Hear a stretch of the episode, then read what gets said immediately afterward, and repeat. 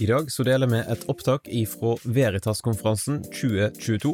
Veritas-konferansen er i hovedsak et samarbeid mellom tre organisasjoner. NLA, Mediehøgskolen Gimlekollen, der Damaris Norge er en randsonevirksomhet, og laget NKSS og Bibelskolen i Grimstad. Vi vil anbefale deg å bli med på Veritas-konferansen 2023. Den 20. til 22. oktober på Bibelskolen i Grimstad. I 2023 så vil hovedtemaet være Fornuft og fantasi arven etter CS Lewis. Sjekk ut veritaskonferansen.no for mer informasjon, og meld deg på i dag.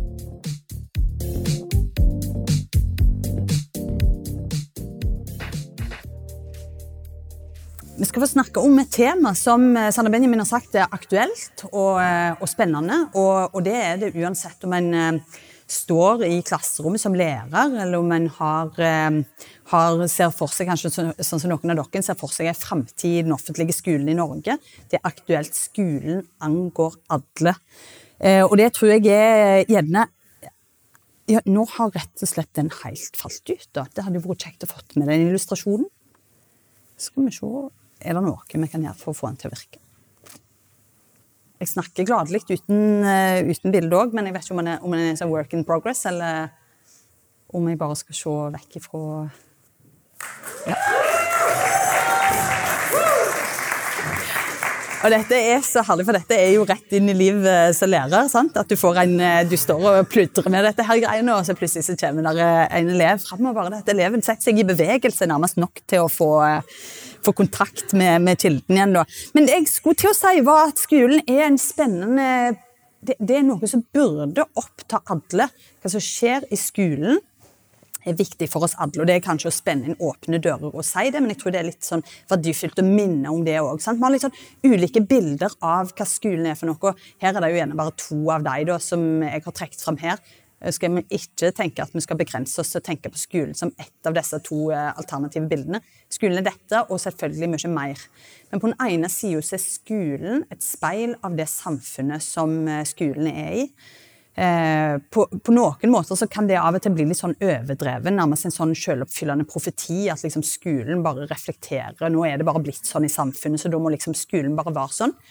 Og skolen er òg en smeltedigel der mennesker møtes og formes og er sånn sett òg en, eh, en, leverandør av framtida, kan vi gjerne si.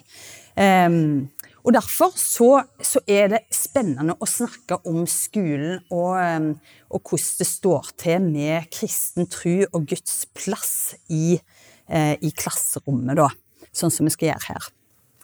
Um, dette her eh, sitatet på, eh, eller her, Overskriften på dette her seminaret det ble til eh, gjennom en sånn, sånn som det ofte blir, litt sånn spille ball og uh, utveksling fram og tilbake. Eh, noen som tenkte litt i lag. Eh, og, og, det som er var litt sånn interessant for meg, var egentlig, for jeg følte egentlig jeg hadde det for en plass òg. Eh, og, og, eh, Ronald Reagan, han er tidligere president i USA på eh, store deler av 80-tallet, og som egentlig er en sånn president som mange her i Norge litt sånn typisk nok òg har bare hørt i skolen, da, typisk nok opp gjennom.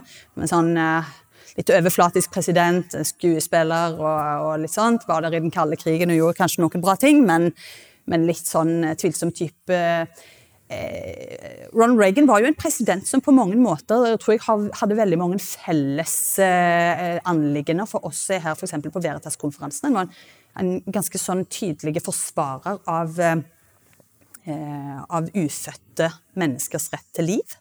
Det er den ene tingen. Og den andre tingen var at han var veldig opptatt av skole òg. Så jeg syns det var egentlig verdt å ta fram eh, det her sitatet hans, så jeg tror vi skal ta det med oss her på veien. Um, for han, han, sa det sånn God, the source of our knowledge has been expelled from the classroom. Dette sa han da allerede tidlig på 80-tallet, så vi får jo svaret her da på, på seminaret allerede. Men, men la oss se litt nærmere på det. He gives us his greatest blessing, life, and yet many would condone the taking of innocent life.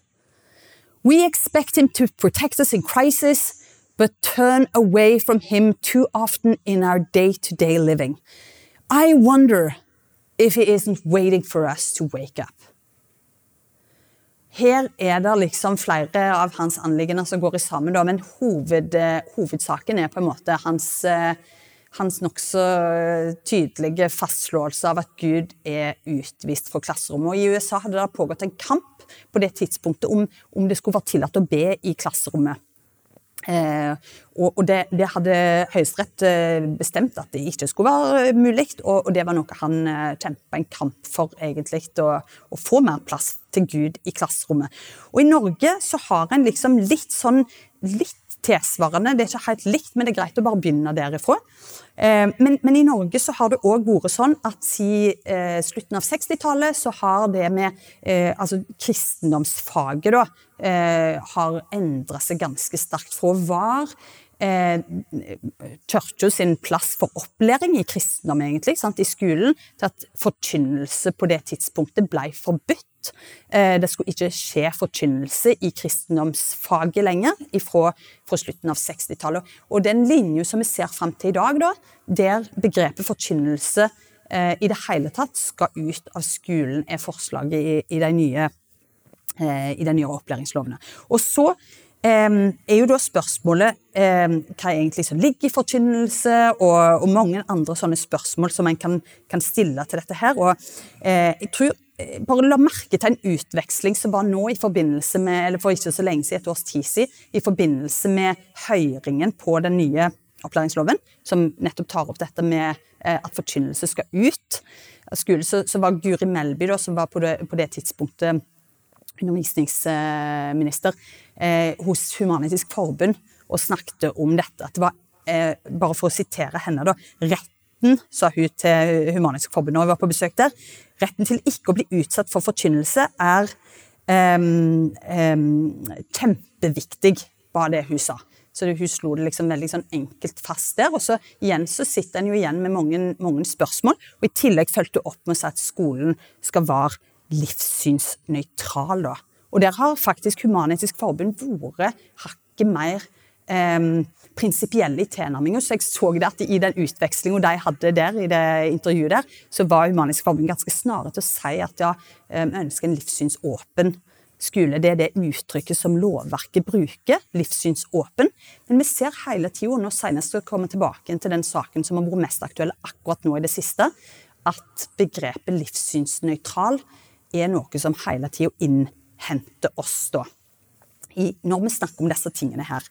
Så eh, bare det å altså Mitt utgangspunkt er vel kanskje at det kan hjelpe bare det å være bevisst på disse begrepene som en bruker. Jeg var nettopp på en sånn eh, skolelederkonferanse og snakket litt der, og, og i en paneldebatt med Kristin Clemet og med representanter fra regjeringspartiene nå, så kom det veldig tydelig til uttrykk. For kan, jeg tenkte skal jeg ta det med her, skal jeg bruke tid på det her? Men jeg tror det er verdifullt å bruke litt tid på det, for jeg hørte hvor lite bevissthet det var om det i en paneldebatt mellom såpass eh, framstående eh, medlemmer av av eh, ikke regjeringsmedlemmene, men av partiene som nå er i regjering, som bruker begrepene litt om en annen. Både det med nøytralitet og eksempelvis begrep som privatskole versus friskole. Så landskapet i Skole-Norge, der skal en være litt sånn bevisst på begrepsbruken og forstå litt om hva som ligger i det.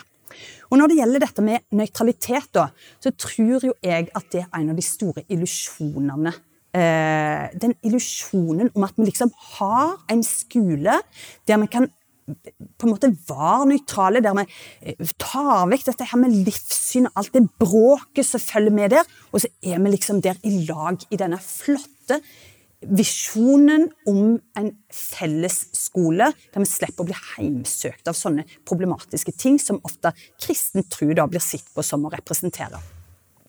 Eh, og så ser jeg jo det at nøytral, det er jo Jeg kaller det en illusjon. Jeg har hatt en eh, kan dere nå få litt innblikk i øyeblikk, men hatt en litt sånn tanke om at, eh, at det er litt irriterende, akkurat det begrepet der, sånn som jeg nå sier, hvis du utleder det sånn. Nøytralitet har jo absolutt en veldig sånn positiv klang, og det ser dere i denne her lille ordskya her. Sant? Det kan handle om å være rettferdig, om å ikke være forutinntatt, om å være liksom se ting i likevekt og sånt noe. Og selvfølgelig jeg har jo ikke en sånn negativt syn på, på mennesket sånn sett, at jeg tenker at det er en umulighet for oss i noen situasjoner være rettferdig og relativt balansert og objektivt. Absolutt. Det var derfor jeg tok med. Jeg vet jo ikke helt hvordan det står til med fotballinteresse her inne. Jeg vet ikke helt på Veritas om det er liksom så veldig fotballinteressert. Jeg er ganske fotballinteressert og tenkte jeg skulle ta med en av de dommerne som er kjent liksom, for å være en av verdens beste dommere. Og jeg mener absolutt at uh, Pierluigi uh, Colina, som det er bilde av oppi her, som var kjent for sitt uh, gjennombårende blikk Eh, at han klarte å kunne være nøytrale til å dømme fotballkamper og sånt. At vi har en sånn fakultet i oss til å, eh, til å være nøytrale i noen situasjoner. Det, det, tror jeg absolutt. Men jeg tror, som jeg skriver her, alt til sitt bruk. På noen arenaer kan vi ha den type. Vi ser for oss dommere i rettssaker, vi ser for oss mennesker som opptrer klokt og, og balansert. Men jeg tror altså at når det gjelder spørsmål om livssyn, og spørsmål om f.eks. skole, når vi tenker på hvor komplekst hele skolesystemet er, så komplekst skolehverdagen er, så mange som møtes der, så tenker jeg liksom bare at nøytralitet blir en illusjon.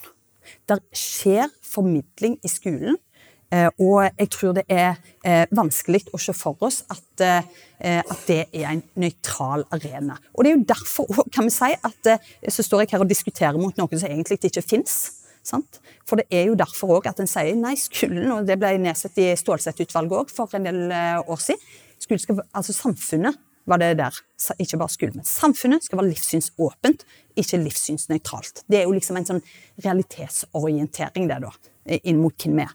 Men, men jeg bare henter fram, ikke for at det er sånn kjempespennende hva jeg har liksom skrevet før i tid, og det handler absolutt ikke om noe sånn, hva var det jeg sa, men eh, det er jo like godt bare for å ta et innslagspunkt liksom etter å ha trukket opp liksom linjer for langt vekke og med Ronald Reagan og USA og sånn. Men dette her har surra og gått ganske lenge, og en får stadig vekk påminninger om at det er lurt å minne seg på eh, begrep som nøytral og konfrontere dem kanskje den tjenesten med en bevissthet inn mot dette vi kan gjøre mest på det feltet her, da. Så hele tida er det en aktualitet knytta til det. Eh, det som er snedig med den begrepsbruken når det gjelder liksom det at hele tida skjer en slags forveksling mellom eh, noe nøytralt eh, og noe som likner veldig på et, forskjellige varianter av et sekulært og humanistisk livssyn, der er det en sånn overlapp som jeg, iallfall i denne artikkelen her, da jeg var mye yngre og veldig sånn eh, eh, ivrig etter å skrive om dette i Stavanger Aftenblad f.eks., trekte fram. For det jeg konfronterer, og her er det først og fremst Human-Etisk Forbund som får eh, besøk av min, eh, min eh, litt ungdommelige vrede, da. Der jeg ergrer meg over altså, at veldig ofte så, så settes det opp noen sånne kriterier for denne her eh, åpne, eller da litt sånn nøytrale, sant? så blander vi litt sånn herlig i sammen de begrepene. Og ut får du altså, samme hvordan du prøver å gjøre det til noe annet, et livssyn. Men du har kanskje tatt Gud ut av, av den lignelsen, og det betyr altså et mer konformt livssyn og et mindre livssynsåpent samfunn, sånn egentlig. Um, så det tror jeg at det er litt sånn uh, viktig å ta med seg her. Og um, ja, jeg tror Jeg kan ta med det til slutt her, da. At, det, at veldig ofte så, så jo kanskje dette her i et litt sånn, uh, litt sånn urealistisk syn på hvordan skolen skal evne å forsyne oss med en sånn arena der hvis vi bare tar Gud vekk, så blir alt veldig sånn likt og rettferdig. Det, det, er kanskje sånn, et litt urealistisk bilde, da. Og jeg eh, trekker det jo helt ut, ut, i, hvis dere ser på overskriften mi her, da. Igjen litt sånn eh, kristen idealist, kanskje. Men, eh, men, jeg tenker rett og slett at dette handler om det helt eksistensielle spørsmål. Jeg mener jo at hvis du skal prøve å være nøytral, så, så eh, da, et, nøytralt menneske fins rett og slett ikke. Så en må liksom forholde seg til den faktisk den forkynnelsen som fins, og den formidlingen som allerede skjer. Det er litt viktig å ta med. Og mange ganger nå tar jeg bare med her helt aktuelle, nærmest eh, dagsferske eh, bilder ifra, eh, ifra kristenpressa men òg ifra samfunnssamtalen ellers, for en har vært opptatt av det, ikke bare i Vårt Land og Dagen. Den saken som har vært i Sogndal nå, og som jeg skrev noe om på tirsdag, og der flere har bidratt i den debatten. Den har vekt en enorm interesse, den såkalte Sogndal-saken, som sikkert flere av dere har hørt om. Skolelag på Sagatun ungdomsskole i Sogndal, som ble nektet fra denne høsten av eh, å møtes til lagsmøte. Bruke rom på skolen til å ha kristne lagsmøter. Og, og det har vekt en stor debatt at uh, dette skjedde. Og jeg uh, utropte Malin her på 15 år på bildet til en slags eh, moderne heltinne. Det handler ikke om at du har gjort noe sånn helt fantastisk, men hun har holdt på um, Hun har holdt på retten sin til å uh, utøve sitt kristne livssyn og fortsette med det til tross for motstand. Det er en type mot som hun modellerer der, så jeg tror samfunnet vårt kommer til å bare virkelig trenge framover. Det trengs alltid, og det er alltid aktuelt. Jeg tror bare det er mer aktuelt enn noen gang tidligere. Jeg synes Saken om Malin og disse herrene, Det er et nærmest sånn ikonisk bilde da, av dette laget som møtes ute på idrettsplassen, som er kreative nok til å tenke at ok, det er jo lov å samles og ha fysisk aktivitet da, i storefri, så da gjør vi bare det mens vi på en måte òg har et lagsmøte. Eh, det er stilig, det er kreativt, det er fornuftig å gjøre det på den måten. Rett og slett det, det møter ufornuft for byråkratiet med en type fornuft som òg er herlig. En finner seg et handlingsrom på tross av at en møter ei stengte dør. Er ikke det noe av det som vi trenger å lære av framover? Det tror jeg. Men saken om Malin modellerer, eller hva skal jeg si, den eksemplifiserer den type berøringsangst som en i dag har. Som når en tar et steg tilbake, sånn som noen har sagt, hvis dette er det problemet som en har i norsk skole i dag, at ungdommer samles om eksistensielle, dype spørsmål, viktige samtaler, ønsker å be i lag, ønsker å velsigne skolen ut ifra si tru. Eh, hvis det er de, spørs, hvis det er liksom de problemene som norsk skole har i dag, da har en jo faktisk ikke noen problem. Og så vet vi at sånn er det ikke. Det er mange problemer i skolen som trengs å ta tak i, men dette er ikke ett av dem. Um, men, men, på ren ryggmargsrefleks så handler altså byråkratiet her, en, som jeg trekker fram iallfall, som jeg tror uh, kommunen her i dette tilfellet er en helt representativ kommune i norsk sammenheng. Det er ingenting spesielt med den saken. Det spesielle med saken er at det er noen som orker å stå fram og stå i bresjen for det. Rett og slett.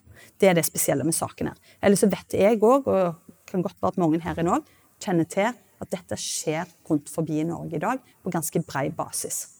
Det er spesialregler lokalt. En har bare kommet på et, akkurat sånn som i Sogndal, der det, det er forskjell igjen, bare at det ble sagt ut og ble sitert i media, at skolen skal være nøytral.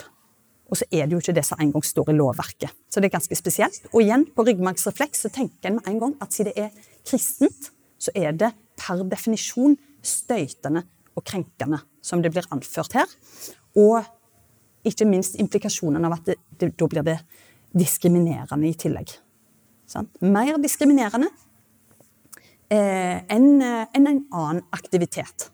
Eh, og jeg òg har stilt spørsmålet om, eh, om en ville bli møtt med de samme reaksjonene hvis en f.eks. hadde en klima- og miljøgruppe for, eh, for, elevene på denne skolen her, som ville bruke storefri en gang i uka til å snakke litt om hvordan de, skulle, eh, hvordan de skulle jobbe og fremme saken sin. Jeg tror jo ikke det. Så her møter en noen av disse her eh, problemstillingene. Og en ser at hvis en ikke skal liksom ha sånn eh, altfor sånn konspirasjonsteoretisk holdning, så tror jeg dette bunner i kommunen og byråkratiet sitt behov for å være ryddig og opptre ryddig. Og så ender det altså opp med at en blir litt sånn ekskluderende, da. Så vi kan trekke opp ei linje, kanskje, eh, Gud utvist fra klasserommet. Nå snakker jeg om skolen litt mer generelt. da. Eh, på 1969, som jeg nevnte, når, eh, når, det ble et forbud mot at eh, kristendomsfaget skulle være spesielt forkynnende og oppdragende i en sånn spesifikt kirkelig og kristen sammenheng. Eh, og fram til nå, når eh, en får et slags generelt forkynningsforbud som ligger der på, på, trappene og venter litt på å bli eh, implementert, kanskje. Eh, og det at en, at en, på en måte i dag eh, tenker at forkynnelsen er det, et av de store problemene som skal trekkes ut, og en, eh, en ender opp altså med en sånn redsel for at det skal komme til uttrykk i det hele tatt. At tro i det hele tatt skal komme til uttrykk eh, i skolen. Eh, og, og, mitt innsteg til det jo er at begrepet livssynsnøytral nå har jeg sagt det et par ganger, men at det ikke har liksom verken rot eller referanse i det virkelige livet. Og det er liksom noe av det som vi møter på her. Så jeg tror, jeg tror det er bare litt viktig å nevne, da. Men nå har jeg snakket om skolen, og litt sånn eh, generelt bare om de der rammene og sånt noe. Det er en veldig viktig del, eh, for all del viktig del av, av dette her. Det er jo skolen det dreier seg om. Men jeg har veldig lyst til å eh, skifte litt fokus. For et tema som dette her Det påkaller oss til å gjennomtenke noe. Så nå snakker jeg litt for at ikke overgangen skal bli altfor brå. Men det påkaller oss jo til å snakke litt om hva bildet vi da har av Gud. For at eh, Hvem er egentlig Gud? At vi kan på en måte tenke oss at han er utvist fra klasserommet. For det kan bli så mye snakk om de rammebetingelsene vi har, om hvordan byråkratiet opptrer, om hvordan læreplanene er. Lover, reguleringer.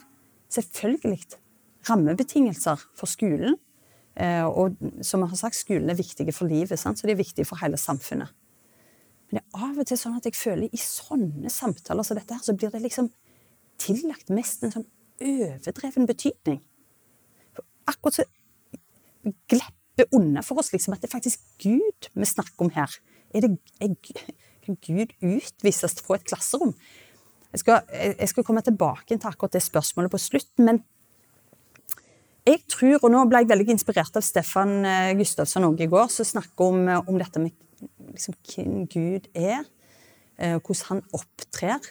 Dere har hørt bilder helt sikkert både av Gud som løva i Narnia, som, eh, som, er god, men ikke tam. Eh, Stefan trekte fram dette med Gud som en ild. Gud som allmektig, allstedsnærværende. Er det sånn at noen ganger de rammebetingelsene vi har, f.eks. i et veldig sekulært samfunn, gjør at vi blir litt sånn motløse? Uff, nei, nå peker alle piler feil vei. Og nå er bare alt liksom helt sånn håpløst, og nå gjør vi noe her. og at vi kan bli et folk av sånn ofrer, i stedet for å rette ryggen og si noe om at eh, Gud kan aldri utvises på noen som helst plass på den måten. Altså, Gud vil ha en enorm betydning uansett hvordan vi snur og vender på det. Og vi kan ikke bare tenke ut ifra disse rammebetingelsene. Og En sånn oppmuntrende fortelling eh, som jeg syns er aktuell i denne sammenhengen her, bare igjen en påminning. Sånn at, at en merker jo det når en begynner å snakke om sekulariseringstrendene, problemene i norsk skole spesifikt, og en ser at det er liksom noe som går sin seiersgang kanskje over hele det sekulære liksom, vest, eh, Vesten i dag, så tenker jeg det er bra å komme tilbake til det. En har jo faktisk ei tru som det er gagn i. Eh, og historien om Jesus når han opptrer for disiplene, en sånn skikkelig nedslått gjeng La oss bare lese en korte utdrag fra Johannesevangeliet kapittel 20. Eh, så sitter de jo nettopp der eh, den kvelden, den samme dagen, første dagen i uka. Læresveinene var samla, hadde stengt dørene, for de var redde for jødene. Så de sitter der i et stengt rom. Men da kom Jesus. Han sto midt imellom dem og sa, 'Fred være med dere'. Han hadde sagt det, viste han hendene sine og sida si. Og så på sånn herlig bibelsk underdrivende vis så konkluderer bare teksten med at læresveinene ble glade da de så Herren. De ble glade da de så Herren. Det er en uh, understatement, rett og slett. da. Men um, det er en fabelaktig påminning om hva dette egentlig handler om. Um, Gud er hellig, og han er nær. Han er ikke begrenset av våre rammebetingelser. Og av og til bruker vi så masse tid på å si hvor elendig eh, ting står til, at vi glemmer litt hvem vi har med å gjøre. Jeg tror det er påminning. Jeg tror det er til trøst, enten en arbeid og til, Ikke bare til trøst heller, for trøst kan liksom høres ut som en sånn fattig trøst. Men det er en realitet. Og jeg tror det at når en er litt sånn interessert i sånne samfunnstrender, og jeg har det iallfall sånn, interessert i ting som rører seg i samtid, og sånn, så kan en bli så opptatt av det at en kanskje, hvis du har tenkt å beskjeftige deg med dette på et eller annet vis Det skulle vært veldig interessant å høre hvor dere er fra, alle dere som sitter her. Men, men, jeg tror kanskje en da skal jobbe ekstra hardt for å tenke jeg må minne meg sjøl hvem jeg har med på laget her. Jeg må minne meg sjøl hvem jeg har med å gjøre. Han er en som nettopp opptrer når det virker som dørene er stengt. Og jeg ikke ser noen innganger og utganger, f.eks. til det klasserommet som virker så stengt i dag. Men med den påminninga friskt i minnet, så har jeg allikevel lyst til å si litt mer. Ikke minst ta en sånn liten eh, påminning om dette her med, eh, med ei som er ganske aktuelle for denne konferansen. her. I starten så trodde jeg faktisk hun skulle komme her i livslevende live. Si. Natasha Crane. Spennende dame som har ganske mye å melde vi har jo hørt henne reklamere for boka si i hovedsalen om hvordan, eh, hva heter den på norsk nå? Snakk med, 'Hvordan snakke med barna om Gud'. Eh, og Det er jo én tittel hun har, så jeg tror det er aktuelle for alle, enten du har unger eller ikke. Men den har vel eh, Bjørn og andre tatt seg for innsalg av. Men hun har en annen bok som har tittelen 'Faithfully Different'. Den har jeg framme her. Legg gjerne den tittelen deg på minnet. Den er ny av i år, og det er en, en spennende bok som belyser tema liksom eh, litt generelt, men som òg er ganske aktuelt for akkurat det vi snakker om her. Eh, for på en måte så er konklusjonen her òg at en er en, eh, en, en selvfølgelig en livssynsminoritet på alle mulige måter. Og det er liksom så enkelt å si ja, vi er en livssynsminoritet, men det, er av og til litt sånn rart når vi sier det. Um, Samfunnet vårt for eksempel, kan jo skilte med hva er det, 3,5 millioner som er medlem av, eh, av liksom det største kirkesamfunnet her i landet. Eksempel, sånn, Ut ifra sånne tall som så det. sant? Og I USA også, kan en liksom eh, plutselig få noen undersøkelser som viser at det er 65 sant, som, er, som er kristne.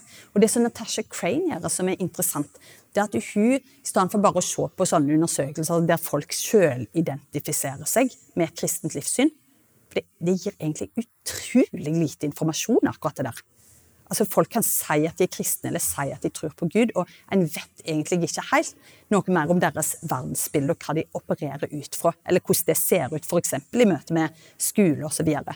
så eh, så tenker jeg eh, litt sånn her i norske konteksten òg, for ikke bare å bli varende i USA, da, så var det, det var sikkert noen som la merke til at Ipsos hadde en undersøkelse der en spør folk. Og da er det for første gang, tror jeg, at det i alle fall for deg, at det kommer en undersøkelse der mer enn halvparten ikke tror på Gud. Så en ser jo at det er for nedadgående. Men likevel er det liksom er det sånn 50, rett under 50 da, på en måte, som er, som er kristne, og som har det verdensbildet. Og jeg tror verdensbildet er ganske sånn avgjørende hva er eh, altså Når en snakker om dette her med Gud i klasserommet, hvordan en skal liksom, eh, hva, en formidler der, og alt sånt, bare for å få et virkelig bilde av, av, av hvordan den reelle situasjonen er, så, så, tenker jeg at les den analysen til Natasha Crane, som viser at det er sånn ca. 6 som har et bibelsk verdensbilde. Og Hun bygger på flere store undersøkelser, bl.a. barneundersøkelser, som kanskje noen av dere kjenner til, som i stedet for å spørre folk er du kristen eller tror du på Gud, eller et eller annet sånt generelt spørsmål, som kan som vi sier med disse første tallene her, de kan bety nærmest hva som helst, eh, trekke fram noen bestemte ulike parametere for hva innholdet i den kristne tro er. og Så får de folk til å rapportere inn på de spørsmålene. Og når da de som analyserer dette materialet, ser på det, så kan en trekke fram eh, noen av disse og, eh, som, som, er betydningsfulle for om en faktisk har et eh, working Christian worldview. Altså et funksjonelt verdensbilde som er kristent. Og det er òg litt sånn interessant, for da ser en plutselig at bildet blir et annet. Og da er en gjerne nede i så få som, eh, som 6% som har det. Og da er det klart at da er det kanskje ikke så rart om eh, vi etter veldig mange år med jevnlig sekularisering ser at, eh, at Gud på mange måter har utspilt sin rolle på skolen, hvis en bare ser det liksom fra et sånn ytre Eh, med sånn ytre perspektiv, og ikke har den trua som vi har med oss inn i det. At Gud ikke lar seg begrense heller av sånne som jeg kan føle sånn ekstreme sånn tsunamier av sekularisering, omtrent. Um, da gir det litt mer mening med en gang, men da vet en òg litt mer hva en står overfor. Så analysen til Natasha Crane eh, forteller oss noe om det samfunnet vi lever i, Og jeg var ikke helt klar over hva, hva talere denne morgenen her skulle snakke om. Da fikk vi jo ganske masse input om akkurat det med sekularisering, så jeg tenkte jeg dette er nyttig grunnlag for eh, å snakke om det med Gud i skolen. Og her tenker jeg vi har lagt et godt grunnlag fra starten av dagen. Men jeg syns òg begrepet push and pull det er noe vi, som vi kjenner igjen ifra Eh, når vi snakker om immigrasjon og emigrasjon, ikke sant? det er ulike faktorer som trekker på en, ulike faktorer som skyver en i retning av sekularisering.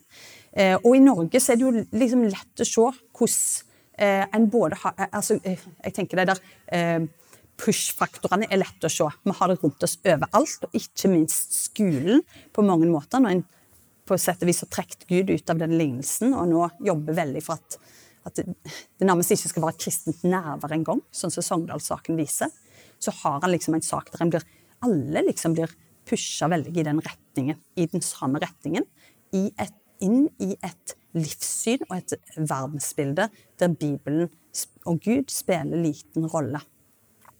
Det som i tillegg er for Natasha Crane snakker om det hva, eh, ja, men et livssyn altså Mange ganger så er det jo liksom kristne som har et et livssyn, på en måte.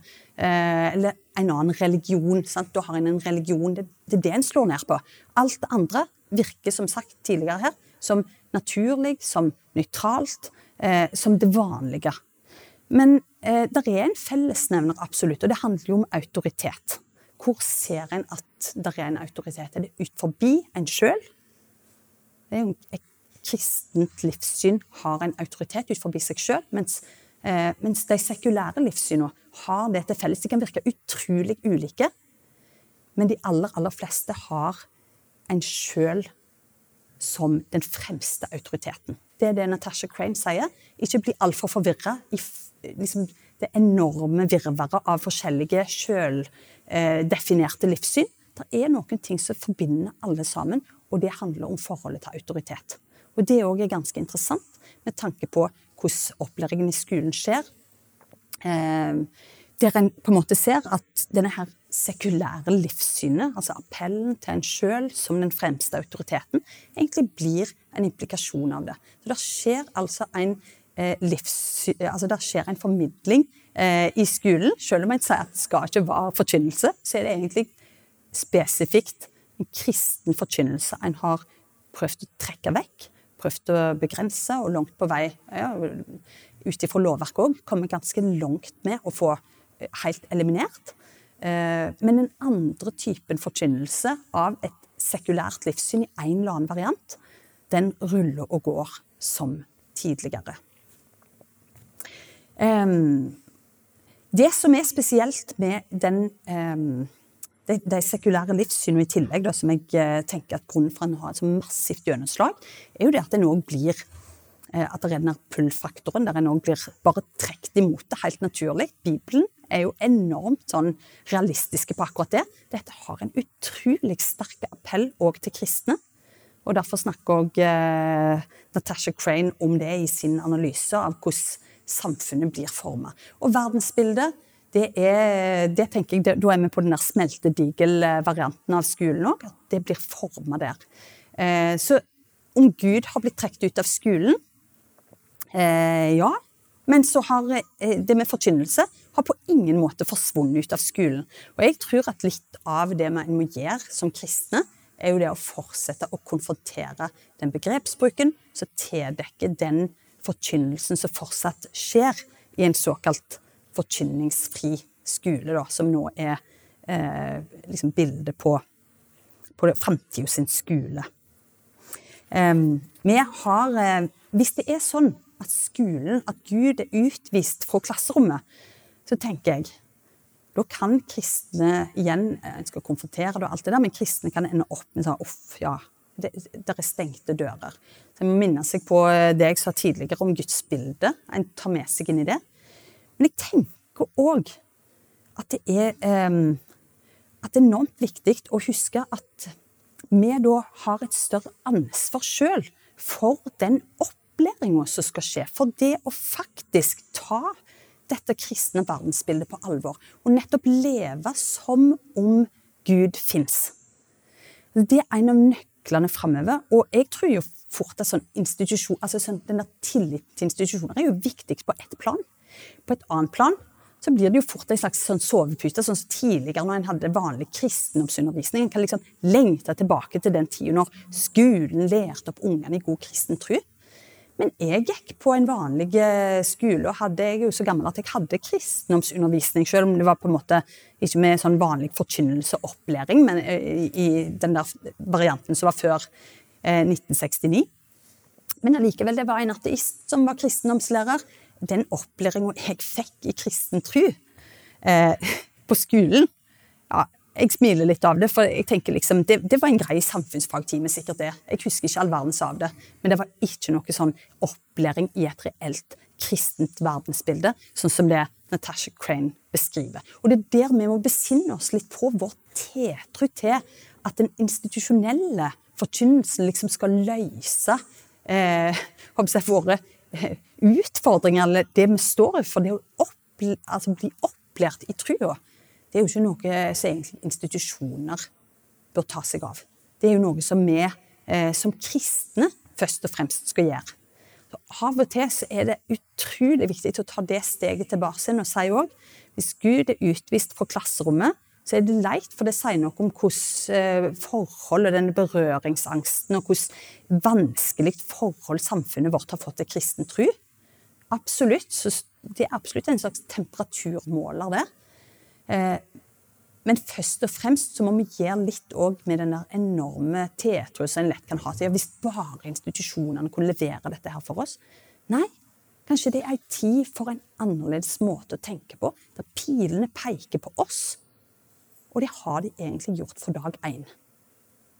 Så det å utruste oss litt til, å stå i det òg, eh, at eh, Gud utvist fra klasserommet, ja vel, men, eh, men da har vi i alle fall et oppdrag og et mål og noe som vi skal stå i. Jeg hadde faktisk òg tatt med et bilde av Magnus Malm sin bok. Men det syns jeg først og fremst er interessant pga. det omslaget der, som er egentlig alvorlig, og som minner oss liksom om at det er utrolig viktig å være grunnfestet. For vi òg kan få en overdreven tru igjen. Uff, liksom de kristne verdiene forsvinner jo helt ifra skolen. Sant? Hvis Gud er utvist fra klasserommet, så har han jo sagt at skolen skal liksom bygge på humanistiske og kristne verdier fremdeles. ikke sant? Eh, men da føler vi at de verdiene der er helt, helt under press. Ja vel. Utfordrende nok, definitivt. Det betyr at vi trenger å være robuste kristne for ei framtid der ikke dette her går av seg sjøl. Det har det aldri gjort. Jeg vil si, og Der eh, henter jeg litt støtte, selv om han er jødisk, en jødisk historiker som heter Yoram Hassoni, som har gitt ut en bok som egentlig dreier seg om et konservativt, livssyn, eller et konservativt eh, samfunns, eh, samfunnssyn, men som snakker litt om dette med kristne verdier. Og egentlig har jeg vært opptatt av det som et begrep i det hele tatt. sant? Man kan ha det bildet at skolen og klasserommet skulle forsynt ungene våre egentlig med, med gode kristne verdier. Men, men hvis en bare løsriver de verdiene på en eller annen måte ifra det de kom ifra, så er de verdiene har lite livskraft. De må være kobla på der de kom ifra i utgangspunktet. Og det er der vi som kristne som bærer de verdiene, ikke bare som en bukett, ikke bare som en slags staffasje. Eh, Stefan snakket i går om strøssel på isen. sant? Jeg har snakket av og til om bare liksom den toppen på, på den eh, ellers sekulær kransekake. Altså, du kan bruke noen sånne bilder av det, men hvis det bare blir et slags tillegg Dette med eh, kristne verdier, da tror jeg uansett vi må besinne oss på at de har liten eh, kraft til å endre liv hvis de bare blir liksom strødd litt utover eh, i den kristne skolen. Eller i en skole der eh, kristendommen fremdeles hadde på en måte hatt mer armslag. Um, ja. Jeg tror jeg skal si litt om um, om det her òg. Eh, om den gode samtalen. Som òg hvis på en måte Gud er ut, eh, utvist fra klasserommet, så er fremdeles klasserommet en plass vi må tenke litt positivt om. Vi må utfordre kristne til å bli lære, og til å finne Lære litt rett og slett av Malin på 15 og dette skolelaget i Sogndal, som leiter til tross for dårlige rammebetingelser etter måter å fortsette som før. På en måte er jo det et slags sånn Daniel-moment, hvis vi ønsker å trekke inn Bibelen i dette her. For, for, det som kjennetegner Daniel når han møter motstand, det er jo det at han fortsetter som før han får problemer. Han blir kasta i, i løvehull. Og de vet det er lov der òg, der det ikke lenger er lov å be til noen annen eh, gud. Og så fortsetter han som før, for det hadde han som vane, forteller Bibelen oss. Og så gjør han det fremdeles. Og Da betyr det jo ikke alltid at en skal gå liksom på, rett på og prøve å lure lovverket eller i den, noe i den duren. Der kan en jo òg bli litt naive, kanskje, og bare skape støy på linja. Men å leite etter armslag, hvis du f.eks skal arbeide i skolen framover og tenke åh, hvordan i alle skal jeg stå i det klasserommet der Gud er, er utvist? Eh, hvordan, skal det, hvordan skal det bli? Det å øve seg opp til en kreativitet, eh, det tror jeg en har enormt godt av, rett og slett. Og igjen, det å tenke at eh, lovverk, regelverk opp gjennom tidene har vært veldig vanskelig for mange kristne. Vi har lett for å tenke uff, nå blir alt bare verre og verre. ikke sant? Det er liksom langs en nedadgående linje fra en eller annen sånn glansdag. Det er egentlig en litt sånn forfeila måte å se eh, historisk utvikling på. Sannheten er når en ser tilbake i historien, at kristne har hatt utrolig vanskelige rammebetingelser. Eh, og du skal ikke lese masse historie for å finne ut at eh, mange har hatt det mye verre enn en vi, selv om vi er under et sekulært press nå så, så har en jo òg opplevd at en bare har rett og slett blitt, eh, blitt hjernevaska mange plasser eh, til å gjøre noe helt annet. Og Det er også spennende å lese om folk, f.eks. bak det tidligere eh, jernteppet i Europa, lever under kommunistiske diktatur, og hvordan kristne finner sammen på tross av dette her. Hvordan lærere òg finner måter til å formidle og til å være kreative og finne noen på tross av helt elendige rammebetingelser. Og Det tror jeg òg er, er, veldig vesentlig. Så den gode samtalen trenger ikke være utvist fra klasserommet. En kan ha, eh, en kan ha muligheter for å, ut, eh, eh, for å prøve ut den, og for å utfordre i tillegg disse her begrepene som jeg snakker om innledningsvis. Så nå er jeg over på en litt sånn der mer sånn praktisk, noen sånn helt få praktiske punkter. Vær bevisst på begrepsbruk. Ta ordet jeg er liksom litt påvirka av det at jeg nå har snakket, uh, hatt uh, foredrag to-tre dager uh, på rad der, der, det å ta ordet for kristne Da var det disse friskolefolka jeg snakket med, men det er jo akkurat like aktuelt for oss. På ulike måter, og når det koster, og under et sekulært press. Ikke forvente at ja, men vi er gode og bare vi er veldig rasjonelle i argumentasjonen og bare vi pakker det inn godt. Her på Veritas så tror vi på god, eh, velbegrunna argument. Men går en i sannhetens tjeneste, sånn som vi har hørt nå, så vil en møte motstand. Og sånn er det.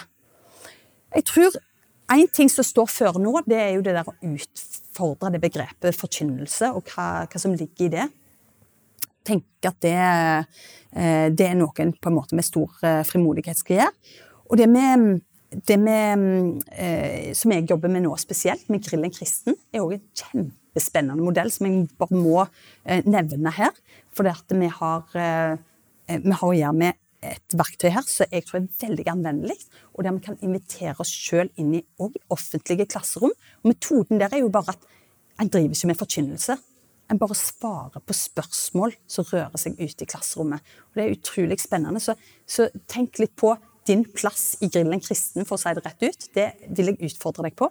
Enten at du kan eh, ta kontakt med laget og bli panel. Du kan tenke på noen som kan være det. Du kan ta initiativ til at det skal bli det. Du kan formidle det til en videregående elev du kjenner. En lærer i, eh, i offentlig videregående skole som du kjenner.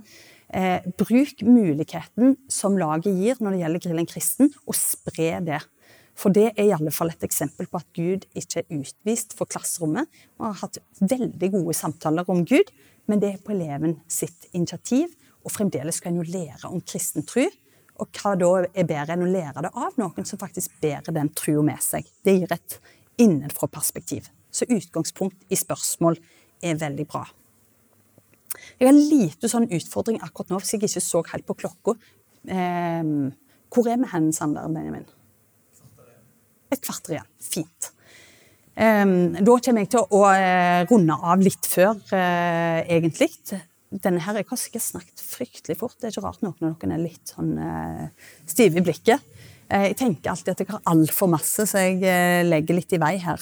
Men um, jeg skal ta med litt grann her um, mot slutten. for John MacArthur, noen av dere vil kjenne han. En forkynner og en forkynner og formidler eh, som mange iallfall kjenner til. Han fikk spørsmål en gang uh, Is this a horrible time to raise kids? Det er jo et godt spørsmål. da. Kanskje noen av dere som sitter her, har, har tenkt tanken. Jeg har av og til tenkt litt sånn Nå er iallfall ungene mine blitt tenåringer. For Alle mine tre er tenåringer nå. Jeg tenker liksom, ja, ja, da er de liksom over den der, Det virker bare som det blir verre og verre det, det, er ikke sånn en skal ta lett på å si, for det er jo ei side med det som er ganske sånn utfordrende. En tenker virkelig på hvordan skal de bli bevart i det her samfunnet? Hvordan skal de bli bevart? Så jeg syns det er et godt spørsmål. da. Is this a horrible time to raise kids? Så jeg synes Det var fascinerende. Jeg snakket med noen, noen fra Syria som, som, bodde i Sverige, og som var på besøk her i Norge. Og, og så jeg snakket med i en sammenheng. Og, og um, ja, utgangspunktet følte de for alle samtaler de nesten hadde med folk i Skandinavia, var følgende at de var jo så heldige som hadde fått komme opp til Skandinavia. Tenk at ungene deres var trygge. Tenk å se framtida. De dette paret jeg snakker om, de syrerne, hadde tre eh, ganske små unger. Levde en plass i Sverige, nå husker jeg ikke helt om det var i Göteborg eller Jo, det tror jeg det var. Og så var liksom det responsen de fikk rundt forbi der som de var. Heldige dere som kom dere unna. Og så tror jeg de sjokkerte de aller fleste med å si at de helt seriøst vurderte å flytte tilbake igjen. Til tross for at det var krig, til tross for at det var ganske ulevelige forhold. Og det gjorde at de fikk nærmest sånn sjokkerte reaksjon. Så hvis vi skal fortsette å leve i et land som Sverige, for det var Sverige de bodde i. De hadde sikkert sagt det samme om Norge òg. Så klarer vi ikke helt å se for oss hvordan ungene våre skal bli bevart som Jesus etterfølgere. Og Det er liksom et tankekors. Da så de for seg skolegangen, de så for seg det klasserommet der Gud ikke er aktuelle. Og så tenkte de på situasjonen sin i heimlandet, der det var en annen type formidling, der det var en annen type bevissthet, der de kanskje så at kirka var mindre sekularisert, det som, som vi hørte om i dag tidlig. ikke sant? At det er ikke sånn at vi bare lever under det presset. Vi blir sekularisert fordi at vi i mange tilfeller òg har godtatt mange av de premissene som det sekulære samfunnet trer på en eller annen måte ned i hodet på oss. Vi klarer ikke alltid helt å stå imot, og vi trenger å øve på det, sånn som Malin. Så disse her eh, syrerne tror jeg vakte veldige reaksjoner med det. Og det viser jo noe. Jeg tenker Det viser mange ting. Dere kan tenke deres ting, men jeg tenkte på én ting. Og det er at jammen meg et sånt spørsmål. Så heldig du er som har kommet til Sverige. I det ligger en sånn enorm overvurdering av den materielle virkeligheten. Av penger, av eh, materiell sikkerhet og trygghet på den måten der. Men disse her hadde liksom oppfatta noe som er så avgjørende det er en annen type trygghet, det er en annen type sikkerhet i livet mitt. Som var helt intuitivt til stede hos deg, sikkert òg fordi de hadde vokst opp under og levd under helt andre forhold enn oss. Som er så ofte så komfortable. Og så har lent oss mot institusjoner, enten det er skole eller andre. sant? De har vært prisgitt å bære det med seg i hjertet. Bære det med seg der de er. Og da er jo aldri Gud utvist noen plass. Så tilbake til, tilbake til John MacArthur. Hans respons til spørsmålet uh, Is this a horrible time to raise kids? var nei. Det er ei fantastisk tid til å oppdra unger. Det er vår tid. Nå er det at pilene peker på oss. Eh, og han snakket jo nå eh, egentlig, sant? så snakket jo ikke han om sine egne unger, men han hadde barnebarn, en forkynner og hadde omsorg for mange. Dette er god tid å oppdra unger. Det er god tid å finne en plass til å ha tillit til at den Gud en tror på, ikke egentlig sånn sett, når vi slipper han inn, kan utvises fra noe rom vi er i, men tvert imot skal tas med inn i alle rom. Men det er vi som er lemmene hans, og det er vi som bærer med oss det kristne håpet. Det er ikke institusjoner. Det, ligger, det sitter ikke i veggene. Det sitter i hjertene. Og det er en, et utrolig viktig perspektiv å ha med seg. Og så syns jeg òg i det um, I den utfordringen når det gjelder om Gud er utvist osv., så, videre, så tenker jeg at igjen så forbløffer Bibelen og de bibelske perspektivene meg. Når vi f.eks. tar et lite sveip Nå har vi vært innom i Johannes 20, eh, sant? men vi kan bla tilbake til starten av Johannes evangeliet og tenke på hva som står om Jesus i, i kapittel 1 i den fantastiske prologen til Johannes. Så det er verdt å lese og meditere over rett som det. For der, eh, der leser vi jo òg sånn Han kom til sine egne. Han ble ikke tatt imot. Han var ikke kjent, står det først. Han, han var ikke kjent, han ble ikke tatt imot på en måte kan vi si at det uhyrlige oppi det hele, når vi snakker om er Gud utvist fra klasserommet, i en litt mer sånn overordna forstand, så jo måte ble jo Gud bare utvist fra verden når han kom. Han ble ikke tatt imot, han ble ikke kjent når han kom til sine egne. Det var en helt mind-blowing framstilling av en Gud som kommer ned, kommer oss i møte. Møter oss og på en måte blir utvist fra sitt eget skaperverk og ikke tatt imot av sine egne. Det syns jeg òg er et perspektiv som kaster lys over om hvorvidt Gud er, eh, er utvist fra, klasserommet. Så eh, jeg tror jeg tar med òg den der Mange av dere kanskje her eh, inne er glad i film og det, både yngre og eldre publikum. Så husker dere kanskje fra 'Ringenes herre' eh, Tolken sitt univers, som har så mye med kristen formidling å gjøre òg. Eh, denne her dypsindige samtalen mellom vismannen Gandalf og Frodo, som føler at oppdraget han har fått, er mange, mange nummer for stor for ham. En fantastisk fremstilling av en så liten, sårbar og litt sånn lost type eh, som Frodo. Og så er det bare rett ifra hjertet. sant? I wish It need not have happened in my time, said Frodo. Og så svaret til Gandalf det kaster òg lys over hvordan skal vi forholde oss til en skole som skviser ut det kristne livssyn, det som er aller viktigst for oss. Jeg tror vi får litt råd fra Gandalf òg her. So do I, said Gandalf. And so do all who live to see such times. But that is not for them to decide. All we have to decide is what to do with the time that is given to us. Dere har helt sikkert hørt sitatet og ser for dere situasjonen, den rørende, um, rørende situasjonen som oppstår her, med det hjertesukket og det ektefølte frykten. For dette her er jo så mange nummer for stort for oss. Vi kommer ikke inn der. Vi når ikke gjennom. Men vi kan gjøre noe med the times that are given to us. Vi kan forstå noe om at akkurat for denne tida her, så er det råd. Og vi har en Gud som på en måte har et helt realistisk syn på å bli utstøtt og forakta av sitt eget. Som om man når inn i klasserommet eller ei, men som bare for, helt fra starten av sier jeg ble ikke tatt imot. Men alle de som tok imot, de ga han rett.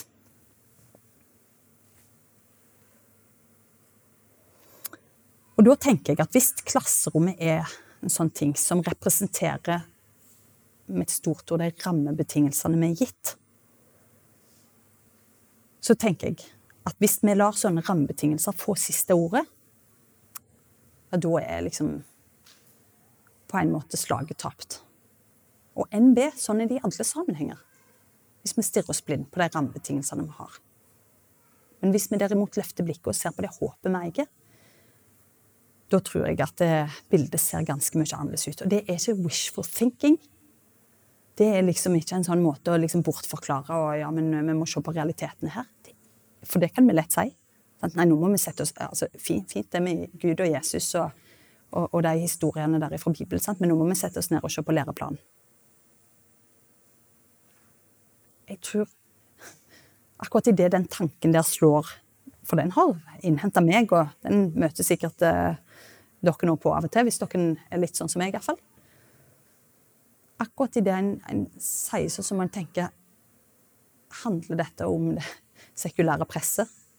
Om en pull-faktor og en push-faktor som trykker oss inn i en måte å se det på som at det er til sjuende og sist rammebetingelsene som avgjør. For det er jo ikke det, vet du. Um, så ja, Gud er kanskje utvist fra klasserommet, utvist fra verden, men håpet lever. Og han vil oss noe og lar seg ikke stenge ute fra vår virkelighet. Uh, og det er et formidabelt håp. Og vi må virkelig framover òg leve som om Gud fins, og at det er vår ultimate virkelighet.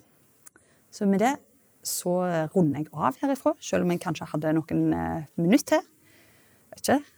Ja, jeg hadde fått lov hvis jeg hadde litt til. Men jeg runder av der. Takk for meg.